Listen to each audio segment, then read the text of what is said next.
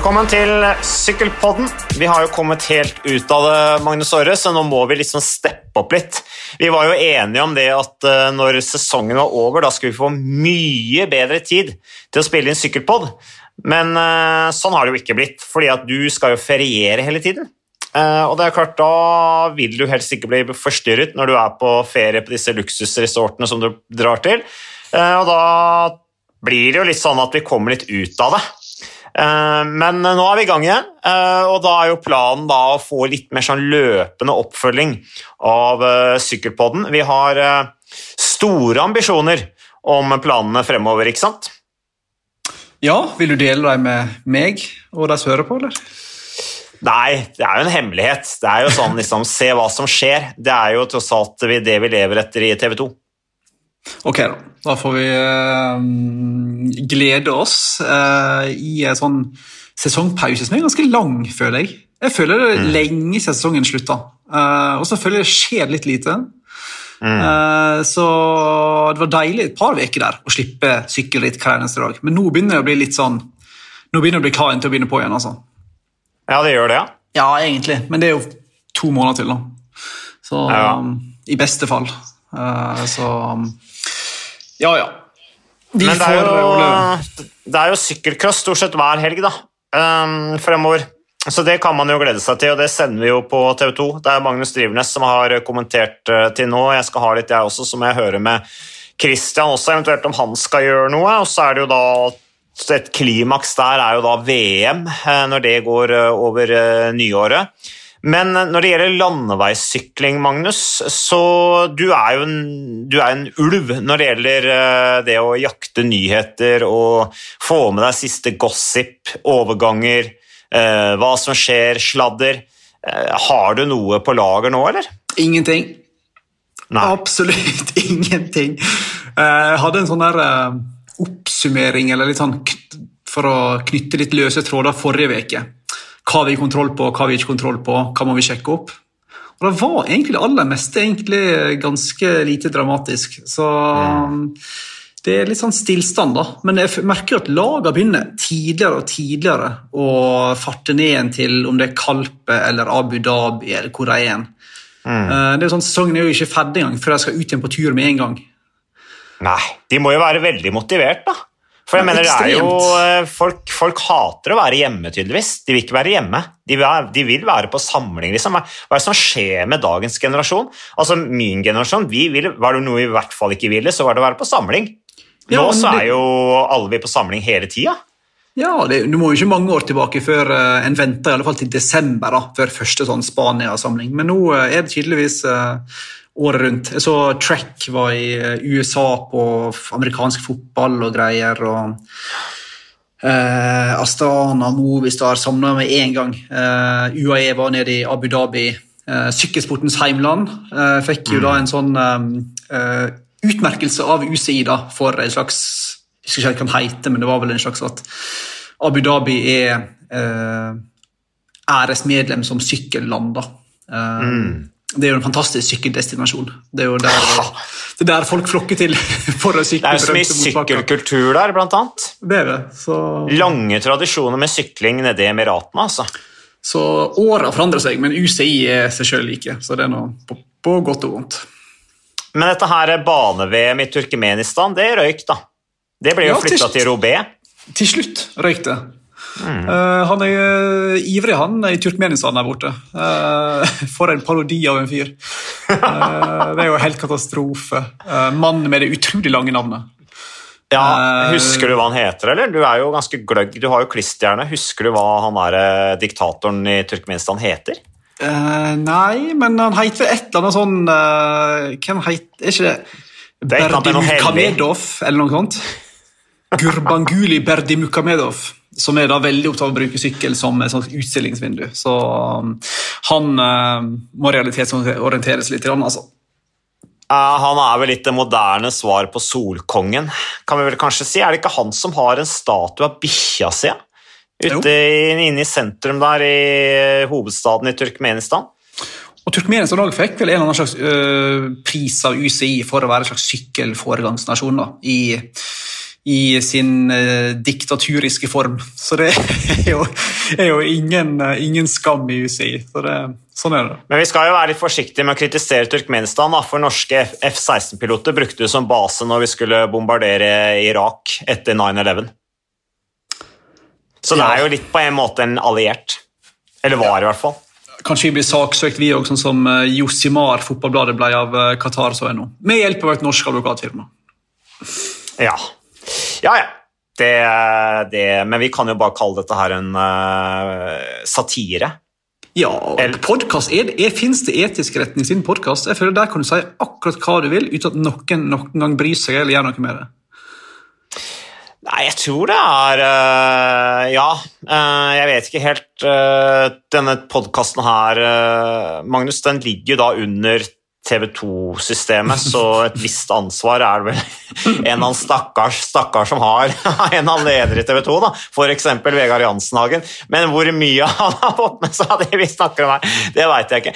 Men uh, vekk fra storpolitikken. Um, noe har det skjedd, Magnus. Det var interessant det du sa om uh, samlinger og, og, hedersbemerkninger fra Det internasjonale sykkelforbundet og sånne ting. Og dette her at dagens generasjon de jobber kanskje hardere enn noen gang reiser tidligere på samling, eh, er ivrig på å komme seg ut og holde beina i, i, i, gang. Men hva gjelder overganger, så er vel det siste som har skjedd eh, selvfølgelig Du har Quebeca eh, Assos som jo mister rytter. Kubeka Assos som jo henger i en syltrinn uh, sytråd, for å si det sånn. Er det noe nytt med, med de, eller på sponsorfronten? Nei, de klamrer seg fortsatt til et lite håp, da. Men det går vel mot at de um ta vare på det kontinentallaget, men sannsynligvis da eh, kanskje ikke rekker å få eh, få et World Tour-lag på beina. Det har vel noen ryttere igjen der, tror jeg. Jeg tror vel blant annet Sergio Enao har vel ikke et nytt lag. Uh, Simon Clark tror jeg fortsatt er der, men det har jo blitt uh, det lekker som ei sil, det laget der. da. Så det spøker litt for um, de nøytrale sitt favorittlag. Ja, Siste jeg så nå, var han uh, tyskeren, han der høye tyskeren han kjører på bakhjulet i Tour de France. Hva heter han igjen? Jeg har helt Walscheid. Ja, Walscheid, ja, Max Walscheid. Han signerte for Cofidis, så jeg. Ja, bra signering, det. da. God spurter, god ja. passingrytter, god temporytter. Uh, Kofidis som, uh, som så ofte før uh, skyter litt til høyre og venstre og litt med uh, løs krutt. Mm. Føler ikke helt jeg klarer å stake ut en kurs der borte, men uh, de om det. Men det har vært ganske stille. Ja, I alle fall Med de norske rytterne så har det vært ganske sånn tidlig avklart, føler jeg. Eh, så har det løst seg for Åsvold og August Jensen nå, da, i um, rally, rally, cycling. Ja, Kult lag, det. Ja, det, det, var, det var glad. Det var bra, altså. Det var bra. Uh, Åsvold og Jensen det er uh, tapre krigere. Så vi unna de å få en avtale. Jeg tror kanskje at det er en ganske god løsning også, ja, for Osvold å gå fra Coop. Det er sikkert en kjempemulighet for han, han er sikkert veldig glad for det. Og så har du August Jensen som eh, Jeg tror nok det er et vesentlig bedre lag å være på enn eh, dette laget, dette lille franske laget hva det endte opp med å hete til slutt. Eh, vi kaller det Delco, jeg skjønner. Ja, Delco, ja. Så jeg tror nok det er et mye bedre en struktur og system og organisasjonen han skal til nå i Rally Cycling. altså. Ja, altså de, de to gutta der er jo altfor gode til å ikke være prosyklister. Til å legge opp, liksom. Så det var bra. Mm. Men jeg syns jo òg eh, sånn på heimbanen at Team Coop har um, tatt fram loopen og funnet ganske mange gode ryttere å fylle på. De har jo mista liksom både Lunder og Dværsnes og um, Åsvold og en haug med ryttere, og Gudmestad. Men de har henta mange bra ryttere. Både Svesta Borseng og André Drege. Gylne gutter-duoen eh, gjorde godt inntrykk der. Eh, Åse Vabe for lenge. Vegard Stokke kommer hjem igjen etter noen år i DSM. Interessant mm. signering. Eh, Karsten Larsen Feltmann er vel inn. Så det jeg var litt bekymra der for Coop en periode, når det bare forsvant mm. ryttere og ryttere. rytter. Men nå uh, begynner det å se ut som et bra lag. Vi trenger Team Coop, vi gjør det. Uh, og Det er jo også spennende å se hvor, i hvilken grad de klarer å utnytte det, den muligheten som ligger i å utvikle generell sykkelkompetanse rundt Solavelodromen, tenker jeg. Uh, det kan jo bli et skikkelig kompetansesenter, det har vi snakka mye om uh, i Sykkelpodden, egentlig. Men det er gøy å se det er mye liv altså, på den ny gjenopprettede eller nystartede Solavelodromen med det anlegget der. Og jammen meg, Magnus, så var jeg ute og sykla en tur for et par helger siden. En totimerstur. Jeg sykler sjelden lenger enn to timer uh, i dag. Det er på en måte langtur. Det kjennes ut som jeg sykla sju timer når jeg kommer inn fra en totimerstur.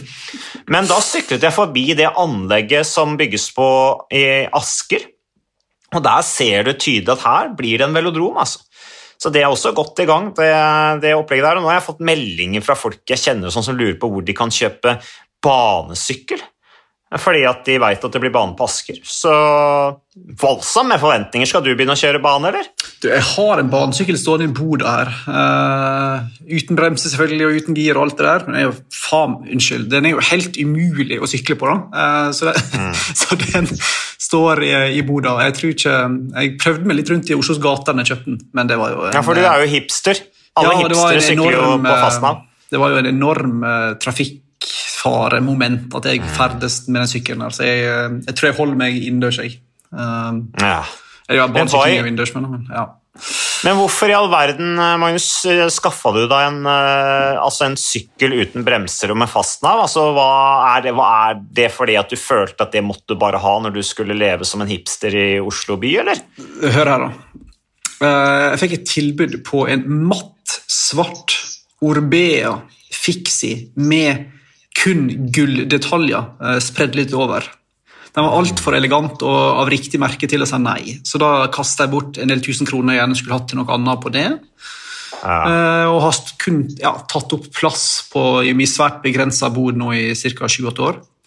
Så hvis du vil kjøpe den, så kan du uh, legge inn et godt bud. Jeg vurderer det. Men uh, hva gjelder impulsive handler, når vi først er inne på det var inne, Vi var inne på Kofris og Max Walscheid som uh, går over dit, og at de, helt, at de sliter med sånne identitetsproblemer i Kofris. Men, men, hva med Team Ineos Grenadiers, da? Når, når Elia Viviani forlater Kofris og er tilbake igjen i Ineos Grenadiers, hva, hva, Why, liksom? Hva er det de driver med? det virker jo som de prøver å skape seg en ny identitet. da med en slags satsing både på terreng, uh, hente en del sykkelcrossryttere, bl.a. Um, Ben Turner. da, uh, mm.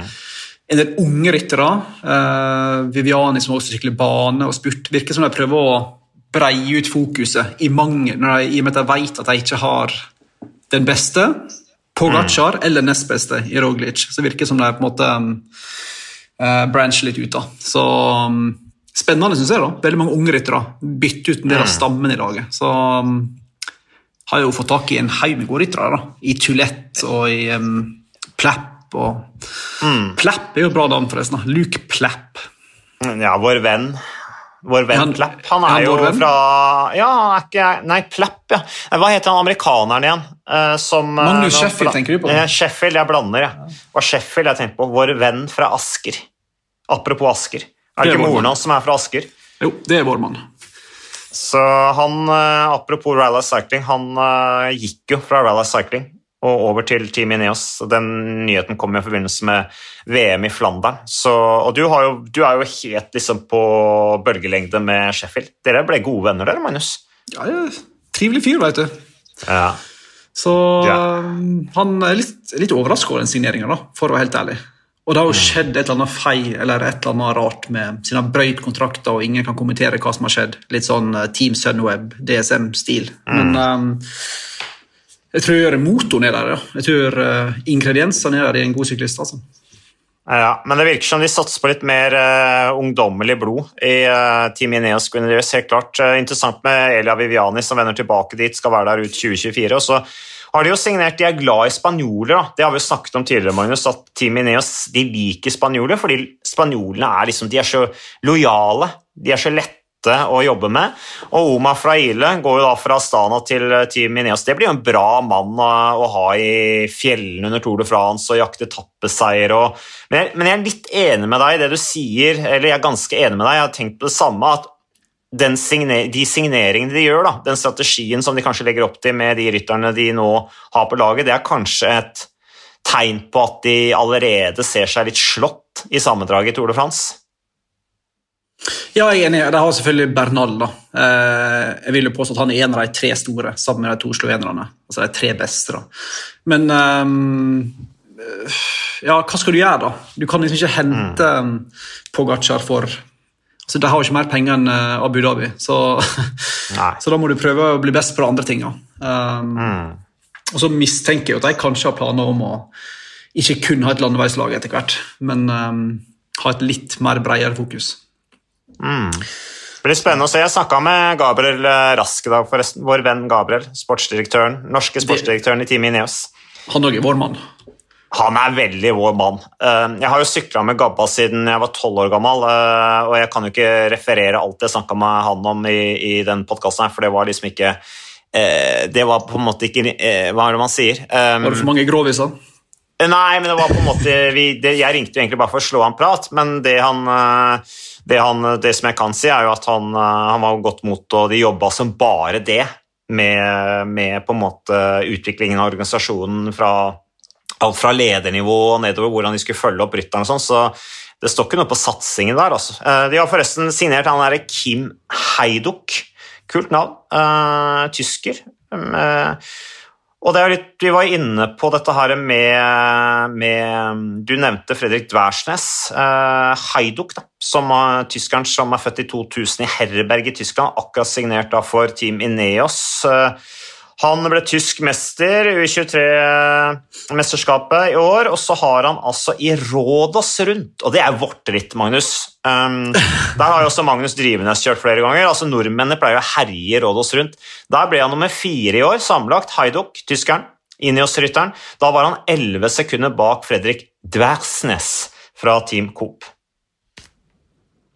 Det er et eller annet med navnet Rodos Grand Prix. Det er bare sånn Rådås!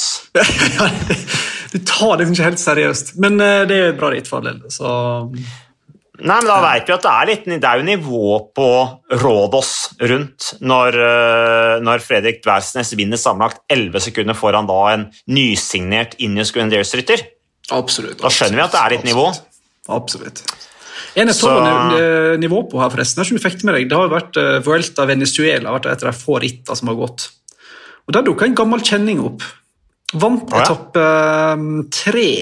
Godeste Miguel Armando Ubeto, som var proff med Lampre, altså forgjengeren til UAE i 2013. Tatt for doping da, tilbake nå i en alder av 45 og bedre enn ever. Ok, Så han har altså akkurat sona en åtteårs dopingutstillelse? er det det du sier, eller? Nei, den var rimelig kort. Han fikk, tror jeg, var et par år. Så Han har liksom sykla et annet ritt, uh, stort sett det der Tachira eller Venezuela. Da. Men uh, mm. 45 år gammel, altså. Back in business. Ja, ja, ja. Apropos absolutt ingen verdens ting, da. Sorry for digresjonen. Nei, men jeg syns det var interessant. Altså, det er jo sikkert noen 45-åringer som hører på dette her som vi driver og spiller inn nå, Magnus, på sykkelpodden, rett og slett, og kanskje tenker at ok, det er håp for meg òg. Du har jo tross alt en del mosjonister som begynner litt sent, da. Eh, de burde jo selvfølgelig også tenke at fanken heller jeg skulle begynt som 14-åring, liksom. Tenk hvor god jeg kunne blitt. Og så kjører de full guffe, eh, skiller seg med kona, eh, lever livet, prøver å bli så god som mulig. Og det er jo klart, det er håp det kan jo være at de finner en liten luke i et eller annet lag og kan kjøre noen storritt. Du har jo David Rebellino, han, ikke, han nekter vel også å gi, gi, seg. Det er litt sånn som Carl I. Hagen det i partilederrollen. Han også tviholdt jo på den lenge. Litt sånn David Rebellin gjør med sykkelsporten. To, to tvilsomme karakterer. Men jeg så òg øh, folk driver og springer, du merket det? En del av syklistene. Ja. Adam Yates 2.58, var det 2.54, 2.58 i New York Marathon. Det er ikke verst. Nei, Under tre er jo bra. Det var jo det Lance Armstrong eh, jobba hardt med lenge for å klare. Eh, så eh, Adam Yates tok den på strak arm på første forsøk, eller? Ja, jeg tror det. Jeg ser Wout van Arte driver og springer. Og jeg syns at syklister som springer, er noe av det dummeste jeg ser. Det er så lite spenst og fjæring i de beina der. Men uh, 2,58 det var bra. Mm. Ja, Nei, jeg syns også det er interessant å se at de løper. og Vi snakka jo om Pidcock som hadde denne 3000-meteren sin som han jo løp fryktelig fort på, men hvor det var litt sånn GPS-utfordringer sånn som kanskje gjorde at tiden ble litt vel bra på Strava. Men eh, det er interessant å se at de bruker løping liksom sånn alternativt. Jeg husker sånn Old school-messig så var det sånn løping det var helt fy-fy. Det skulle man i hvert fall ikke gjøre. Men jeg husker jeg løp litt i hvert fall når jeg var amatør på 90-tallet og hadde ganske god erfaring med det for å få litt avveksling. og Muskulaturen hadde godt av det, faktisk, selv om du ble litt sånn sår. Men hvis du vedlikeholder det, så, så, er det ganske bra for å løse opp, og det er bra for blodsirkulasjonen. Jeg tar veldig trua på det, egentlig. Du løper litt du òg, Magnus. Men du er ikke, men du er ikke prosyklist. Nei, jeg springer mer enn jeg sykler. Så, men mm. um, det som skjer vel om dagen, for å være litt aktuell igjen, da, Mats mm. Det er vel litt at disse løypene begynner å presenteres. Tour de France har kommet. Uh, ja. Den har vi vel ikke snakka om, men det er så lenge siden at jeg tror vi droppa. Ja, det er liksom så Det er bare så uh, oktober, på en ja, måte. Ja, det er det. Uh, men nå mm. driver jeg og slipper Giro-løypa. Uh, litt ja. sånn gradvis, dag for dag. Håpløs strategi. Hva er det der for et rør? Men ok, uh, den begynner iallfall i Ungarn, omsider. Ja. Og det er spennende å se hvem som sykler hva her, da, mm. av disse største. Kristoff skal tilbake til Tore Frans, France, fikk jeg klart inntrykk av. Men jeg tenkte på disse sammenlagte gutta, hvem som sykler hva. Men det virker som både Bernal, mm. Roglic og Pogacar skal til Tore Frans i 2022, så det kan bli kult. Og Vingegård. Mm. Ja, Uh, Tom de Melin, er det noe news om han, eller? Vår venn fra Nederland? Han òg er jo vår mann. Uh, mm. Nei, det er vel uh, stille der på hva han egentlig skal gjøre. Jeg tror jeg skulle ha en treningsleir nå straks, tror jeg, der det skulle liksom hamres ut av ulike programmer. Tipper ja. det blir Giro. Jeg. Ja, jeg så også det at han var mest aktuell for giroen. Han sliter fremdeles litt med motivasjonen, har jeg skjønt. altså. At det er ikke bare bare. Litt ja, sånn hva han skal bli som syklist. Ja, i hvert fall når vi snakker litt med folk sånn i, i Flandern-VM, så var folk eh, i og rundt liksom, miljøet sånn, fortsatt usikre på hva han egentlig vil. Er det tempoet mm. han skal reindyrke igjen? Apropos den OL-medaljen. Orker han tre ukers ritt? Er det mer sånn Dauphiné Paris-Nice-greier isteden? Så litt mm. spent på hva han ender opp med. Ja. Du, eh, Apropos eh, overganger og legger opp, og hvis vi skal være litt sånn for litt aktuelle da, på sykkelbåten eh, Beppu vår venn fra Japan. Han, eh, ja, ja, han er jo Han var første japaner i worldtouren og er den første japaner i Tour de France da, sammen med Arashiro i 2009. Syklet jo siste rittene nå for EF Education, um, hvor japanske Nippo for øvrig er inne som sponsor. Da. Og I tillegg så har de jo fått over japaneren eh, Hide, Hideto Nakane, så ringen er liksom slutta da for Beppu, som startet karrieren i La Pomme Marseille, apropos uh,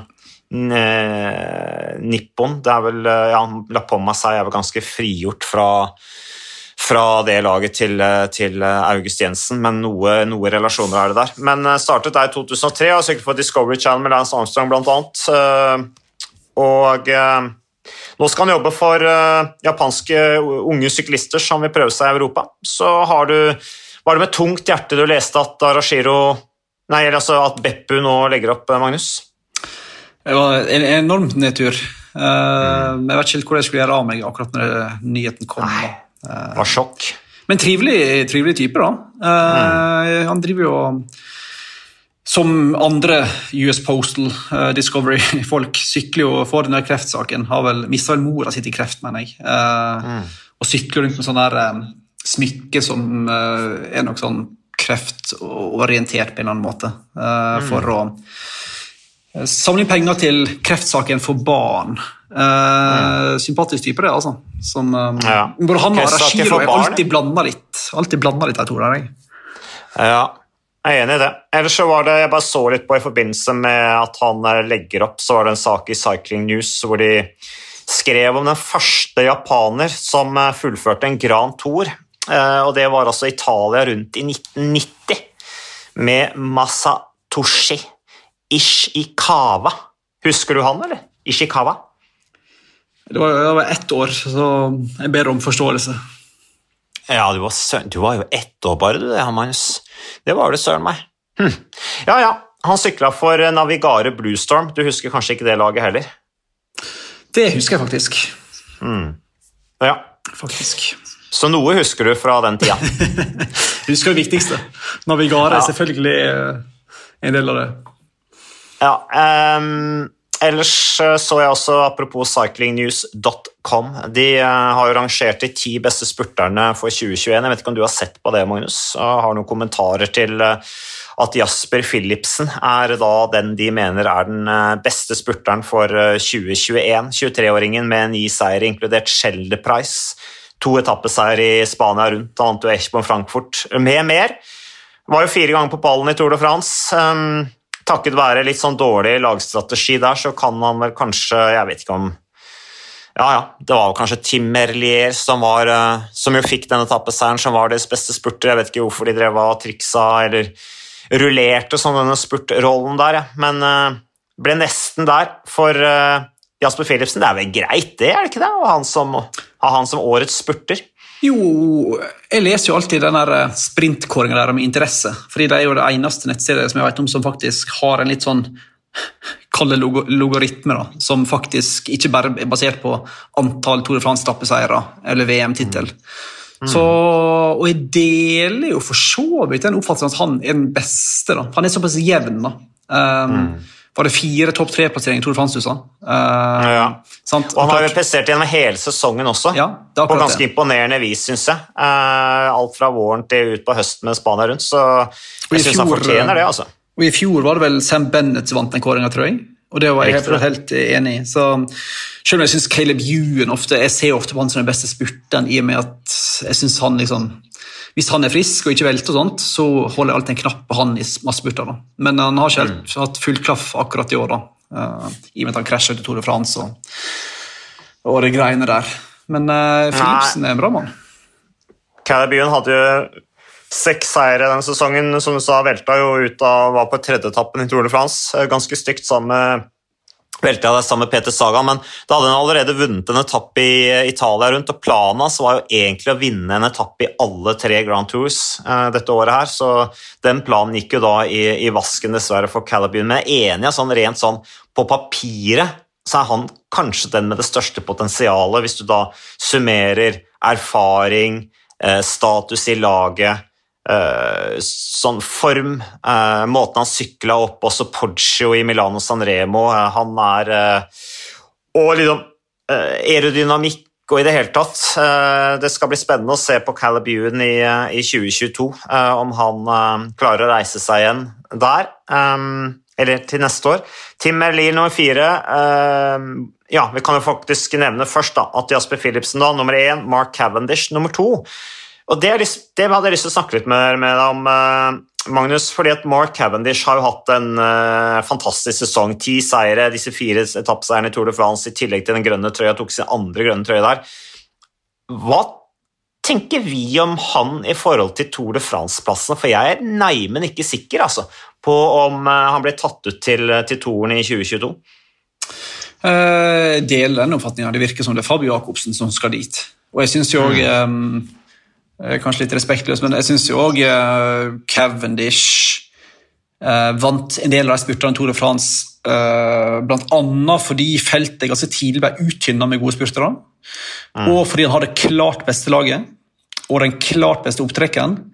Ja. Så jeg ville ikke rangert han som topp to spurtere i verden. Det ville jeg ikke gjort. Uh, men han har jo åpenbart fått de poengene som tilsvarer det. da. Men um, jeg eh, vil ikke bli tatt i Tour de France 2022, nei. Da hadde jeg heller gått for Jacobsen, sånn som det virker som um, The Cunning Quickstep gjør. Men han har eh, forlenga avtalen med The Cunning Quickstep nå, har han ikke det? I alle fall verbalt, var det det han sa, han mm. Lefebvre. Eh, verbale avtaler med Lefebvre er jo alltid litt sånn skeptisk til, men det virker som om eh, det egentlig var bare en formalitet som gjensto. Det var vel mm.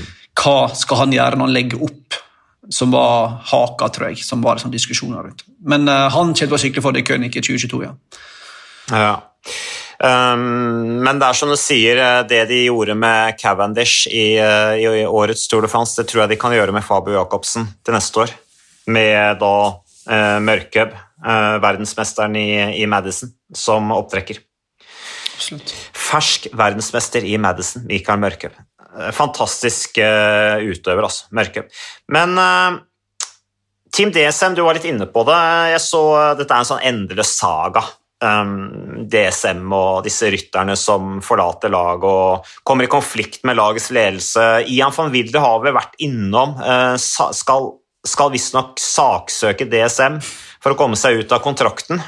Og DSM de sier jo en sånn offentlig uttalelse at de er skuffet over håndteringen til van Wilder, unggutten. Og sier da at van Wilder og agenten de kunne gjort det enkelt for seg selv ved bare rett og slett å spørre om å fris fra kontrakten. Tror du det er så enkelt? Det er veldig mange som lykkes med å bare si hei, dette her er noe drit, jeg har lyst til å bytte lag. Eh, det har vi sett mange ganger. Da. Eh, men det er bare, så, bare sånn Jeg vet ikke hvem som har rett der, jeg. Men uh, van Wilde var vel sur for han ikke fikk sykle Buelta. Han var ikke det, for han syklet, var sånn, Du måtte velge mellom Buelta og OL eller et eller annet sånt. Der. Mm. Du måtte ha med på treningsleir i høgden når det var OL, ellers fikk du ikke sykle. Ja, Det var noe greier. da. og noe mm. tempoutstyr. Um, jeg bare det, det laget er jo i ferd med å bli en slags sånn Jeg prøver å finne en fotballekvivalent, men jeg klarer ikke helt å finne det. Men et lag du liksom bare rister litt oppgitt på hodet over. Mm. Noen må jo snart ta tak der. Eh, det kan jo ikke være sånn i et lag som konkurrerer på øverste nivå. Eh, bare lekker de beste rytterne år etter år etter år. Da må jo noen ta tak. Men um, han hadde vel litt å gå på i samarbeidsfaktoren var det nærmeste Roy Kurvers uh, treneren, tror jeg, sa. Uh, Gud veit hva det er for noe. Um, men at, ja, han ikke var samarbeidsvillig? Ja da, sant? men at mm. du har hentet tilbake Jon Degenkolb, mm. som de har gjort, som er en rar signering i utgangspunktet òg, som da fors, mm. for, forsvant fra laget for noen år siden. Det er bare sånn, det er umulig å skjønne. da. Uh, så det kan jo være at Egen, men, eh, men, Magnus, eh, du hadde jo eh, akkurat Nicolay Roach som, som avslutta karrieren og har lagt opp Jeg ser Nicolay Roach, jeg følger han jo på sosiale medier, han, jeg var jo lagkamerat med en Kriarkoll. Nå er Nicholas Roach i en fase av livet han skal prøve alt, ser det ut som. Han skal skydive i Dubai, og han skal Altså, alt skal han gjøre. Han skal, presse, han skal ha benkpress og ikke måte på ah. burps og curls og situps og hangups og hangdowns. og har mye kropp. Enormt med kropp. Og raske biler, og du verden, han koser seg nå, altså. Virkelig blomstrer, gjør Nicholas Roach nå som han har lagt opp som syklist. Men eh, det kan jo være tanken med John Dancob at de skal ha noen sånne veteraner. da, Som har litt erfaring, og som på en måte har den der profesjonaliteten i, i bunn som det jeg tror John Degenkolb har. Eh, og at det er eh, den miksen med alle disse unge rytterne, at de skal ha litt sånn oppdragende eh, rolle på disse unggutta. Roman Bardet er jo for øvrig en som har hatt en bra sesong og virker som er fornøyd med overgangen til DSM, så ja.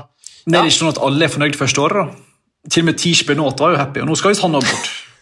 Så ja, ja, det er et poeng, det.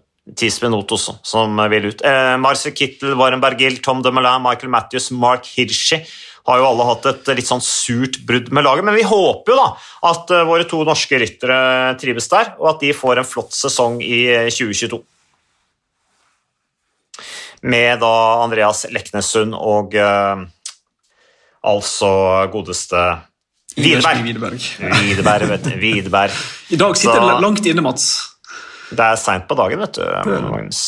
Så, um, så, det er bra. Nei, men jeg tenker vi har tatt, uh, tatt det meste. Um, jeg har ikke noe mer sånn på programmet som jeg har lyst til å snakke med deg om nå, Magnus. Uh, ellers så legger jeg merke til det er en litt sånn stor debatt, altså kanskje litt dumt av meg å gå inn på det nå når vi egentlig var i ferd med å liksom runde av, men uh, jeg ser jo dette her med spiseproblematikken eller spisevegring, anoreksi den debatten eh, ruller som bare det i langrennsmiljøet, eh, og det er vel litt sånn eh, Den debatten har vi hatt for lenge siden sykkelsporten.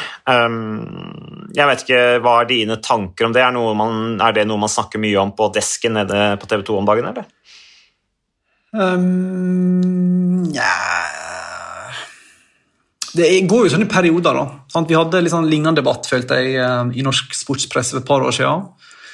Og så er det nå, og det er veldig bra. Tipper det dør litt ut, og så kommer det sikkert tilbake om et par år. Eh, men det er som du sier, i sykkel har den der debatten vært for så mange år siden.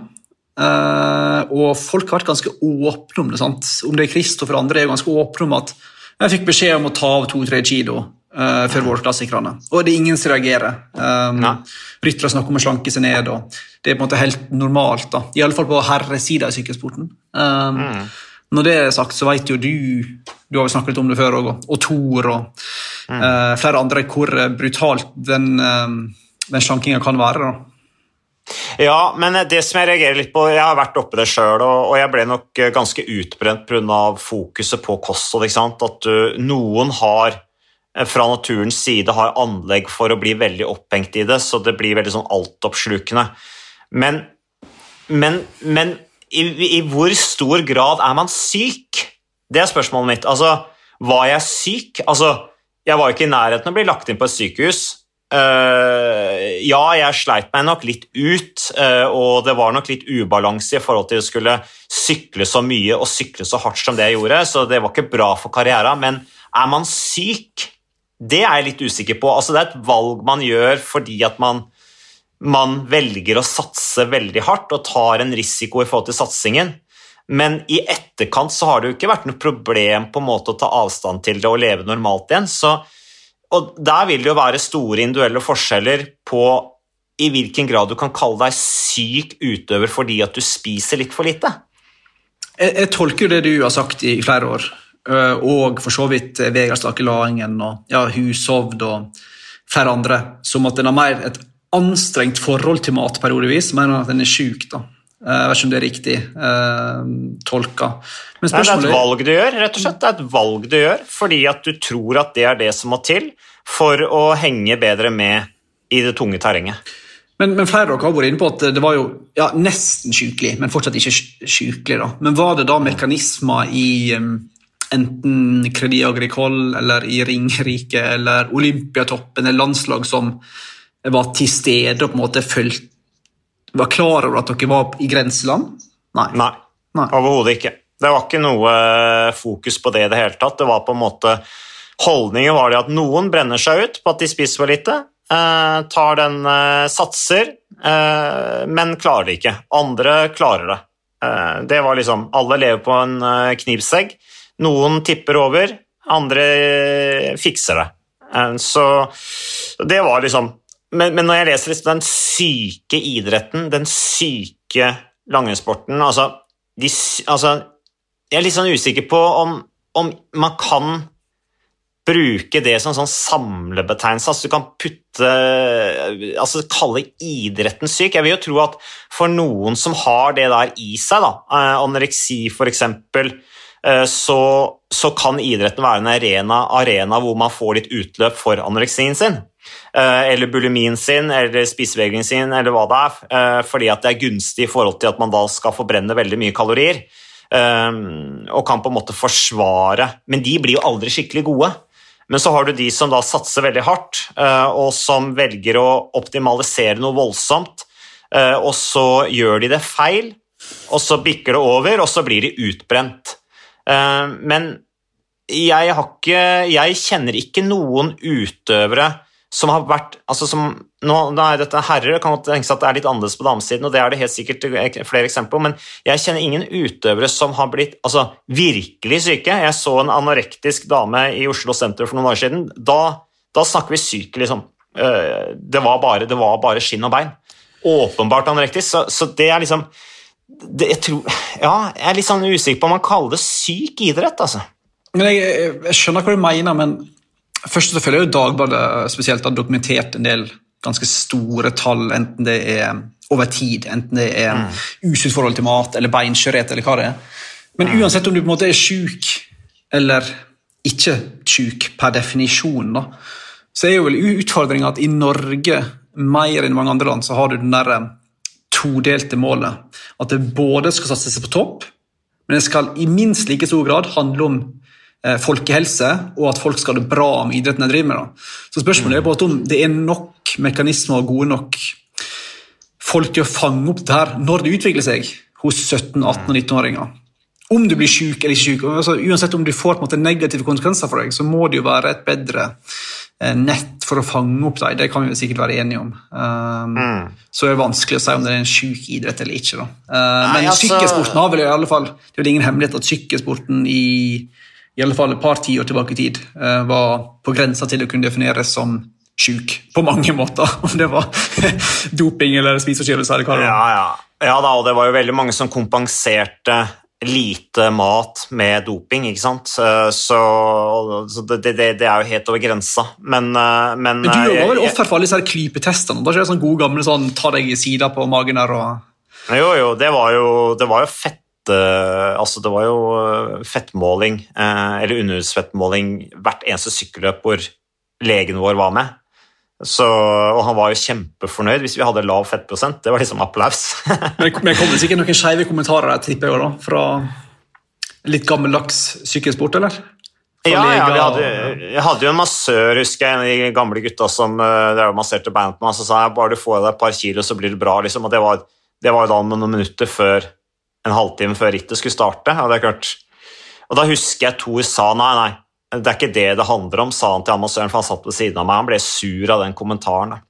Så eh, det, men ikke sant, det, det, var bare en del av, av, sporten på den tiden. Veldig sånn eh, snevert syn på det også. Det liksom, du skulle bare gå ned uansett hvordan du gjorde det, men nå har jeg inntrykk av at nå er det noe mer eh, Nå gjør de det på en mer sånn vitenskapelig forsvarlig måte. Da. Det er i hvert fall sånn jeg oppfatter at det gjøres i tettere dialog med ernæringsfysiologer og sånn, fordi at det med å skulle vektoptimalisering, det er på en måte noe man Det kommer an på hvor ambisiøs du er, men er det et potensial der ved å gå ned i vekt, så, så, og man ønsker å gjøre den jobben og har tro på at det kan skape en utvikling, så gjør man det i hvert fall, prøver å gjøre det på riktig måte, sånn at man får i seg nok næring.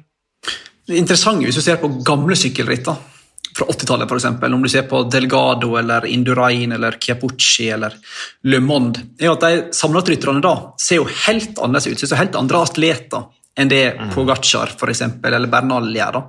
Og Jeg frykter jo at det var den slutt, midten av 90-tallet der plutselig watt per kilo ble et sånt begrep. Når Ferrari kom med 6,7 kilo watt per kilo må du ha for å vinne Tour de France. Da ble alt ekstremt målbart. Og Da tror jeg mange begynte å pine seg ned, i og med at det var såpass i enkelt. da. Du kan vinne Grand Tour hvis du har 6,7 eh, watt per kilo.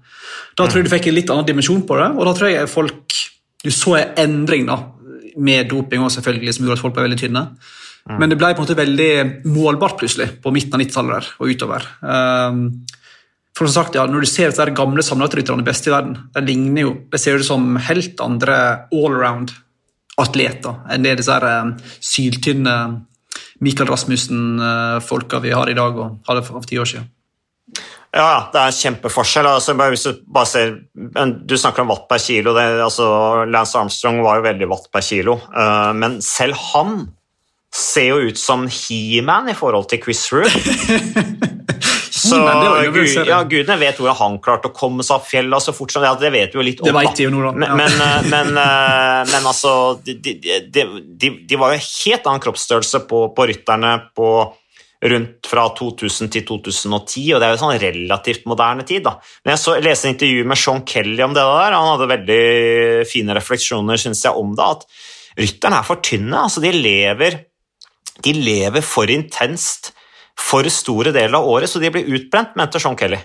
Uh, han sa, han, han sammenlignet da liksom med seg selv og hvordan de så ut på den tiden, at, da liksom, at han syntes at rytterne så sunnere ut i gamle dager, at de så mer ut som atleter. Uh, så det var, uh, var, et ganske interessant intervju som jeg ikke husker helt hvor jeg leste nå, men, men det er noe i det. altså at det er en fare for tror jeg, at en del ryttere kan bli utbrent litt fortere ved å leve et ekstremt intenst liv med kosthold, med treningssamlinger, med store treningsdoser, med denne eh, fysiologien, alle målingene du har i dag, med alle tallene. Altså, som Stig Kristiansen sa på Sykkelpodden for et par år siden, at alle disse gutta er jo sånne små professorer. Eh, de kan så enormt mye. Og det er jo kjempeinteressant, veldig gøy. ikke sant? Eh, på, på, mange måter så er det gøy, men det er, det er en viss risiko for at enkelte utøvere gjør for mye for tidlig og blir helt utbrent. Det tror jeg. Absolutt. Uh, og det er òg litt det der med Det går på mange ting. Og det med hvor lang sesongen har blitt. Og Apropos det med å ha samling allerede i slutten av oktober, når sesongen akkurat er ferdig. Altså, Får rytterne nok pause? Uh, det, jeg frykter at de får for lite. Jeg så Joao Almeida sa i et intervju i dag at uh, du må ha balanse for hodet, med kropp og hjerne, ellers er du ferdig når du er 24 år gammel. Og det tok jeg som en slags advarsel om at ting begynner å gå litt, blir litt for intenst og litt for um, lite pause. Men um... mm. Det er noe i det, samtidig som det er et ekstremt sånn trangt nåløye nå, og du har, du har jo alle disse unge rytterne sant, som kommer inn i sporten og sier ok, nå skal jeg gi meg selv fem år, gi bånn gass, signere millionkontrakter og, og, og tjene stort, og så, og, så, så, gi meg. Jeg tror, tror, det er litt den tanken at det er en del ryttere som er, de har ikke tenkt å gjøre dette her i all evighet. Tidligere så var det kanskje ryttere som hadde lyst til å ha litt lengre karriere. Jeg er litt usikker på om, om, om Eh, alle disse her, eh, eller hvor mange av dagens unge ryttere som ser for seg at de skal holde på til langt ut i 30-åra. Pogasjar Pogacar åpenbart, han skal sikkert vinne Tour de France i mange år til, men, men jeg tror det er en del som også ser at ok, nå har jeg muligheten, nå skal jeg, nå, nå, nå skal jeg gjøre alt i den, de årene jeg er proff, og så er det vinn eller forsvinn. Liksom. Jeg husker vi intervjua jeg tror det var Tour de France 2019 det var da Valverde hadde det vekteksperimentet sitt. Um, han er jo da 1,78 eller noe sånt høy. Mm. Og han skulle ned i 57 kilo. Han pleier jo egentlig å ha matcha på 62. Uh, så spurte han på, på um, dagen før dagen, sånn lagpresentasjon spurte jeg, Er ikke det en risiko med å være så tynn. Jeg tror ikke han skjønte spørsmålet engang. For han svarte noe helt annet. Jeg tror ikke han skjønte liksom, den risikoen altså, at det faktisk er farlig å presse det for masse. Jeg tror, jeg tror, det er en helt annen skole da, som ikke skjønner helt Jeg tror ikke han skjønte hvor jeg ville hen. Eventuelt var spansken min helt uh, dårlig uh, for ræva. Men um, mm. det var helt sånn besynderlig. Altså, 1,77-1,78 høy, og så veier du 57 kilo. Og har ingen problemer med å snakke om det, og skjønner ikke at det kan være problematisk. Uh, han ble jo veldig god klatrer, den, den Tore Frans, husker jeg, men mista jo den der um, eksplosiviteten som han liksom har vært kjent for. Ja, og poenget er at uh, med Valverde jeg tror han er typen som da går opp igjen. Og det, det, det, du, det, ser du på de utøverne som kan presse ned vekta i perioder. De går ofte opp igjen. Jeg tror faren er med de rytterne som de blir så opphengt i det, eller de utøverne, da, eh, for dette starter med å snakke om eh, vektdebatten i langrenn, de utøverne som blir så opphengt i det at de skal være tynne hele året, da blir de Eh, utbrent. Det, det kan funke et år, eh, men så går ofte luften ut av eh, ballongen. Men, men det der, en del fikser kunne gå litt ned, men samtidig så har de også evnen til å gå opp og koble litt av. da. Og Det tror jeg er viktig hvis du skal, skal vare en stund i, i sykkelsporten. Men Magnus, eh, hvis det ikke var noe mer du ville si om det, så tror jeg egentlig at eh, ja, vi skal gå og spise middag. Blir det til middag? Nei, det veit jeg ikke, fordi at uh, akkurat nå sitter jeg på kontoret, og det er jo kona som uh, lager middag. Uh, så, men du er jo akkurat nå så er du aleine, så du skal vel helt sikkert lage middag til deg selv. Og jo, da det blir det litt den der Gidder du lage middag når det kun er deg sjøl? Mm. Så ja. jeg tror det blir den uslåelige retten tagliatelle med kjøttboller og satsiki som er gjort på to minutter. Det blir fort en. tror jeg ganske avansert. Er det liksom den eh, Er det liksom dagens Er det liksom Toro, eller dagens generasjon Toro-rett? Egentlig, for jeg lager ikke kjøttbollene sjøl. Sånn, bare kjøpe sånne der ferdige Nei, jeg tror det blir det. Jeg tror det blir det. Hva, skjedde, hva skjedde med Grandiosaen? da? Spiser ikke ungdommen det lenger? Vi får opptatt av vekt, vet du. Vi spiser ikke mm. sånt. Ja, ja. Dere er så innmari flinke i dag, ungdommen. Så det er bra. Nei, men Takk for praten, Magnus. Eh, takk for uh, at du lyttet på et sånn lite comeback på Sykkelpodden. Og så er vi tilbake med mer forhåpentligvis uh, neste uke. Og vi har litt planer om å intervjue litt folk og sånne ting, men det, det får dere vite når det har skjedd. Takk for oss.